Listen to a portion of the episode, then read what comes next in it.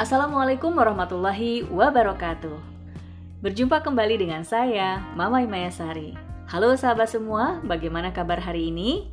Semoga dalam keadaan sehat walafiat dan juga bahagia. Karena hari ini weekend, manfaatkan waktu sebaik mungkin bersama keluarga tercinta.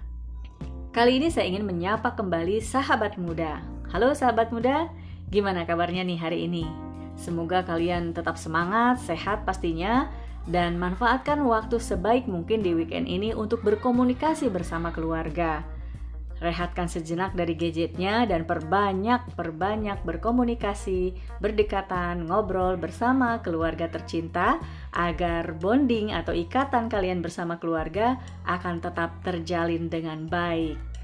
Oke, sahabat muda, di segmen sebelumnya saya sempat mengangkat masalah zona nyaman. Bagaimana zona nyaman itu bisa membuat kita perlahan-lahan mati. Mati dalam dua kondisi ya, bisa kondisi mati secara fisik maupun kondisi secara mental atau mindset. Bagaimana kalau secara mental mindset kita kalau berada di zona nyaman, maka kita tidak mau bergerak, tidak mau berubah, tetap saja di situ. Dan hari ini kita akan melengkapinya dengan sebuah kisah yang masih berkaitan dengan zona nyaman. Dikisahkan ada seorang raja yang mendapat hadiah dua ekor burung elang. Raja berpikir bagaimana nih caranya supaya burung elang ini yang memang dasarnya sudah pinter terbang akan bisa terbang jauh lebih tinggi lagi dan lebih indah lagi. Akhirnya raja memutuskan untuk memanggil pelatih burung yang terkenal di negerinya. Lalu dipanggillah pelatih burung kemudian diminta melatih dua anak elang ini. Setelah beberapa bulan berlalu, si pelatih datang melapor.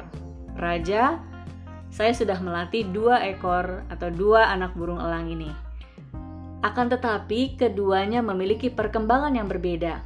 Elang yang pertama, dia sudah mampu terbang tinggi, sudah mampu terbang yang indah di angkasa, akan tetapi satu lagi burung elang ini dia tidak sama sekali tidak mau terbang. Dia hanya bertengger di dahannya semenjak dia datang ke sini. Artinya dari awal begitu saja posisinya, artinya senang bertengger dan tidak mau terbang. Raja bingung dan heran. Akhirnya raja memanggil memanggil para ahli hewan dan juga para tabib kenamaan di negerinya untuk ditanya dan diminta memeriksa elang kesayangannya itu.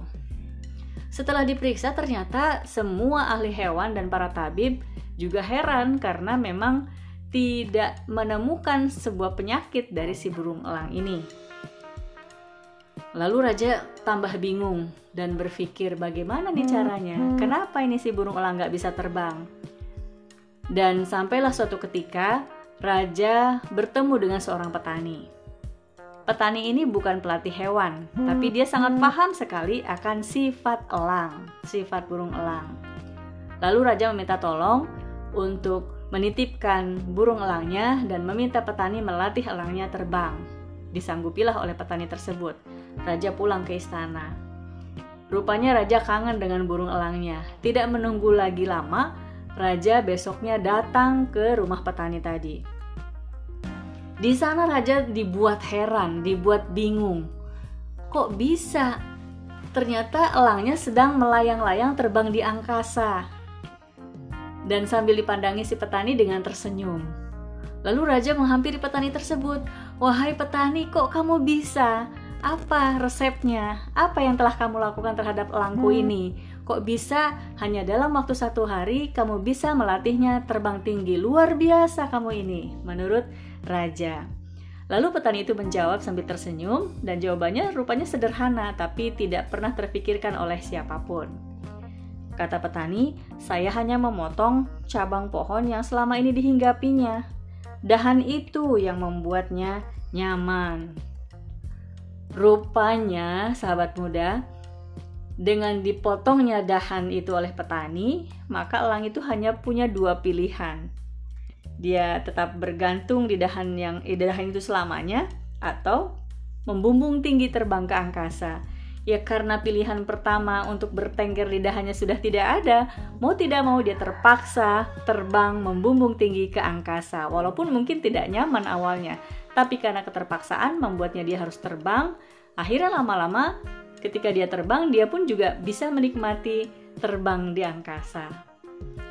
Rupanya seperti itu, sahabat muda, bahwa zona nyaman ternyata memang tidak terlalu baik buat kita. Jadi, kita harus melepaskan diri dari zona nyaman, berani pelan-pelan menggeliat, kemudian bangun, kemudian berdiri, bahkan berlari untuk mengejar apa yang kita inginkan. Impian kita itu hanya dapat dikejar kalau kita lepas dari zona nyaman. Jadi jangan berlama-lama dalam zona nyaman, bangunlah, menggeliatlah, berjalanlah, berlarilah, kejarlah impianmu agar impianmu dapat tercapai di masa yang akan datang. Saya Mamai Maesari, semoga menginspirasi. Terima kasih. Assalamualaikum warahmatullahi wabarakatuh.